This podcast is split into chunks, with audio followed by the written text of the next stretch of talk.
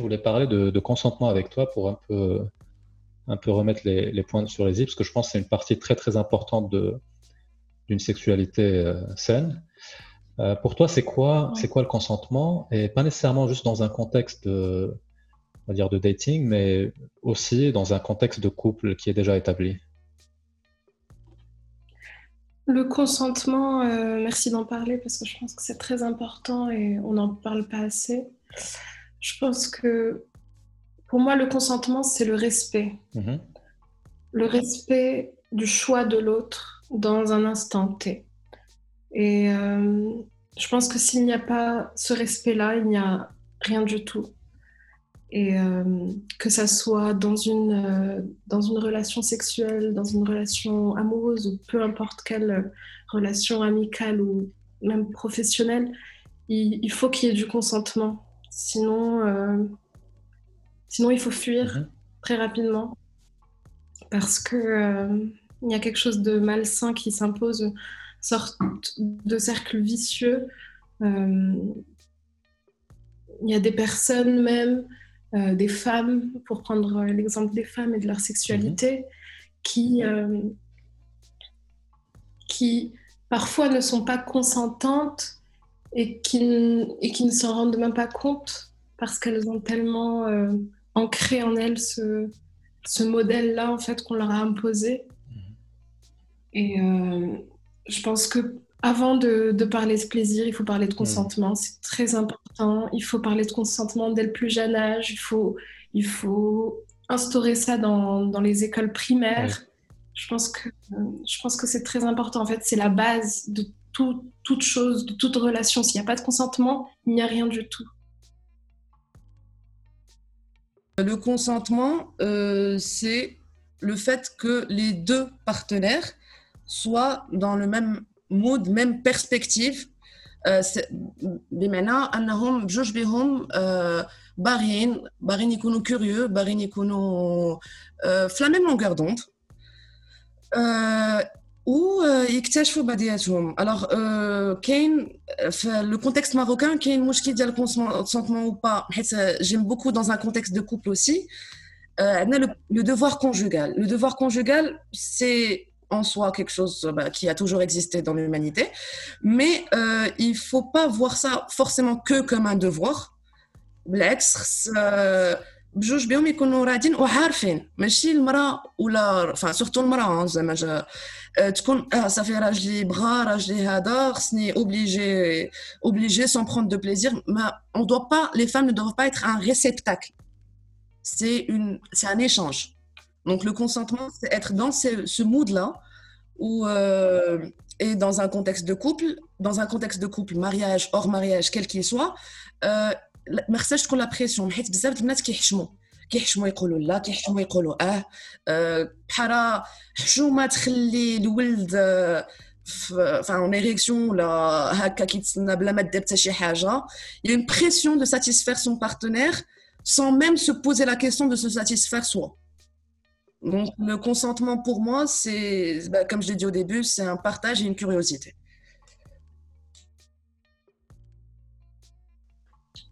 Ouais, le, consentement, c'est quelque chose de super euh, important. C'est vraiment primordial à toute relation sexuelle. Le rapport sexuel ne doit jamais, jamais être une obligation ou une pression pour faire plaisir à l'autre. Et ça, euh, même dans le cadre d'un mariage. Et on a du mal à faire euh, véhiculer cette notion-là. Parce que je ne sais pas pourquoi les gens ils pensent que le mari il a tous les droits sur sa femme, le droit de disposer du corps de sa femme comme, comme il veut.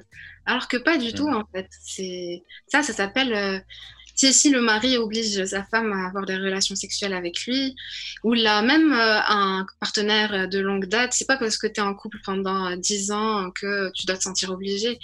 Non, ça, ça s'appelle euh, un viol. Et, euh, et d'ailleurs, il y a vraiment un gros problème au Maroc. Il y a un vide juridique euh, par mhm. rapport à ces situations-là qui doit être traité au plus vite. Il y, a eu une affaire de viol conjugal il n'y a pas longtemps à Tanger. Je ne sais pas si tu en as entendu parler. L'année dernière. Et pour une fois, le juge, le juge a donné raison à la femme, donc euh, il a jugé le mari coupable de viol conjugal, sachant que dans la loi, il n'y a rien qui stipule euh, ça. Euh, donc les, la société civile était super contente. on s'est dit, ouais, il va y avoir une jurisprudence, donc c'est un pas pour changer les lois, etc. Mais après, ça a été annulé en cours d'appel. Donc bon. Ah ouais, je, me rappelle, je me rappelle. Hmm. ouais, donc c'est décevant. Finalement, tu vois, euh, parce que euh, au Maroc, ben, si, si, si tu peux pas prouver avec des, des, blessures ou là des séquelles ou la date que tu, enfin, on, on te croit pas. Donc c'est difficile ce genre de, de situation. C'est pour hmm. ça qu'il faut beaucoup travailler sur les mentalités et euh, faire prendre conscience en fait que s'il n'y a pas de oui clair, euh, c'est que c'est un non. Et d'ailleurs, euh, dans ce cadre-là, il y, a des gens qui parlent de la zone grise de consentement. Uh -huh. C'est un peu addict la partie euh, entre les deux. Ma fille, oui, ma fille, là, entre le oui et le non. Et euh, beaucoup de gens l'intègrent du coup dans le champ du consentement. C'est-à-dire qu'ils voulaient que si elle n'a pas dit non, et ben c'est un oui. C'est un peu après la euh, culture marocaine, Kangoulo, Soukout, Alamat Reda. Ou là, Même en français, hein, tu dis qu'il qu dit mot consent. C'était arrivé il y a je pense quelques mois je me rappelle plus exactement avec un acteur américain avec euh, euh, Aziz Ansari. Tu vois qui oui, c'est? oui celui qui a fait euh, Master of None. Exactement. Et lui, lui est arrivé plus ou moins plus ou moins la même chose. Où une fille l'a accusé de, de viol.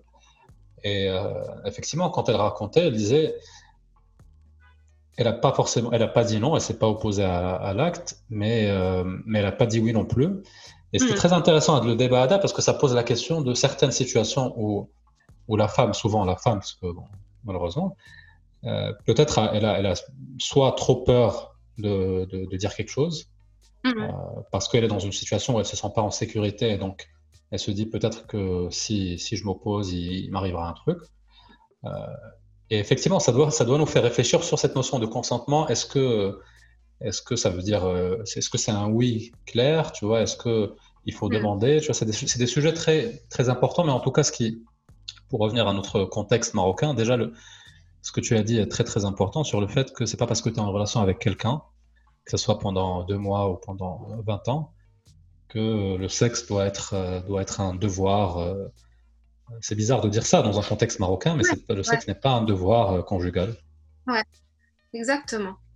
Et c'est encore une fois le, la société patriarcale qui nous apprend, à nous les femmes, à ressentir de la honte, le chouma, la gêne. L'homme, il, peut lui faire croire que dans une situation X ou Y, qu'il n'y a pas de retour en arrière parce que soi-disant elle l'a excité ou là que par mmh. exemple, euh, je sais pas, ils ont planifié un week-end depuis longtemps, donc ils ont fait le, le, trajet, donc là il lui dit ah ben voilà on a planifié tout ça et maintenant tu me dis non ou là euh... ou euh, c'est ça euh, ouais, ou là par exemple ou par exemple, il fait tout un chemin pour venir la voir. Ou c'est ça, ce qu'il fait. c'est, ouais, malheureusement, effectivement. Ou elle se sent du coup, un peu comme tu as dit, peut-être obligée. chemin, Et justement, on te Et. Euh, mais, mais, en fait, c'est là tout l'enjeu du Women Empowerment. Il faut qu'elle reprenne son pouvoir et, il faut qu'elle se dise que, en fait, Anna, je suis. Euh, je suis maîtresse de mon corps et je peux me rétracter à n'importe quel moment. Alors, même hmm. si le préservatif est déjà mis, elle peut dire non. Oui. Bien euh, sûr, ouais. Et elle a le droit de changer ah, d'avis, comme tout le monde. Et le partenaire en face, il doit respecter sa décision, même si c'est son mari. C'est-à-dire que. Absolument. Voilà, il faut qu'il la laisse réfléchir, mais en aucun cas euh, insister, parce que sinon, ça s'appelle viol. Et il y a le bouquin aussi super intéressant une marocaine qui parle uh-huh. de la vie sexuelle au Maroc et qui parle aussi de la vie sexuelle de, de ses cousines, des, femmes de, sa famille. Euh, euh, mm-hmm. Il s'appelle L'Amande. Par éthique fait référence au sexe féminin. Et euh, savais pas, ok. Moi non plus, je ne savais pas au début, uh-huh. peut-être. 12 ans. Elle s'appelle. Euh... elle s'appelle Nejma, mais c'est un pseudonyme. Ah, ouais. Bien sûr, elle a... ouais, c'est comme c'est tabou, ben, elle n'a elle a pas mis son vrai nom. Mais en gros, donc, elle raconte un peu des, des bribes de sa vie et d'autres femmes. Et elle racontait comment la, la fille a été mariée de force par sa famille à un homme de 40 ans, alors que Heya, elle avait 17 ans. Et avec le mari, ben, qu'est-ce qui est fait en fait, qui est juste euh, tous les soirs euh, pour avoir des relations sexuelles avec elle. Euh, et, elle avait le passage vraiment très poignant où elle disait que tous les soirs, elle doit rejoindre la chambre conjugale, ouvrir les jambes, ne pas bouger, ne pas soupirer, ne pas vomir, ne rien sentir, mourir, fixer le mur et s'essuyer l'entrejambe. Et finalement, le pire dans tout ça, c'est que il y a beaucoup de femmes marocaines qui vont se reconnaître dans, son témoignage, malheureusement.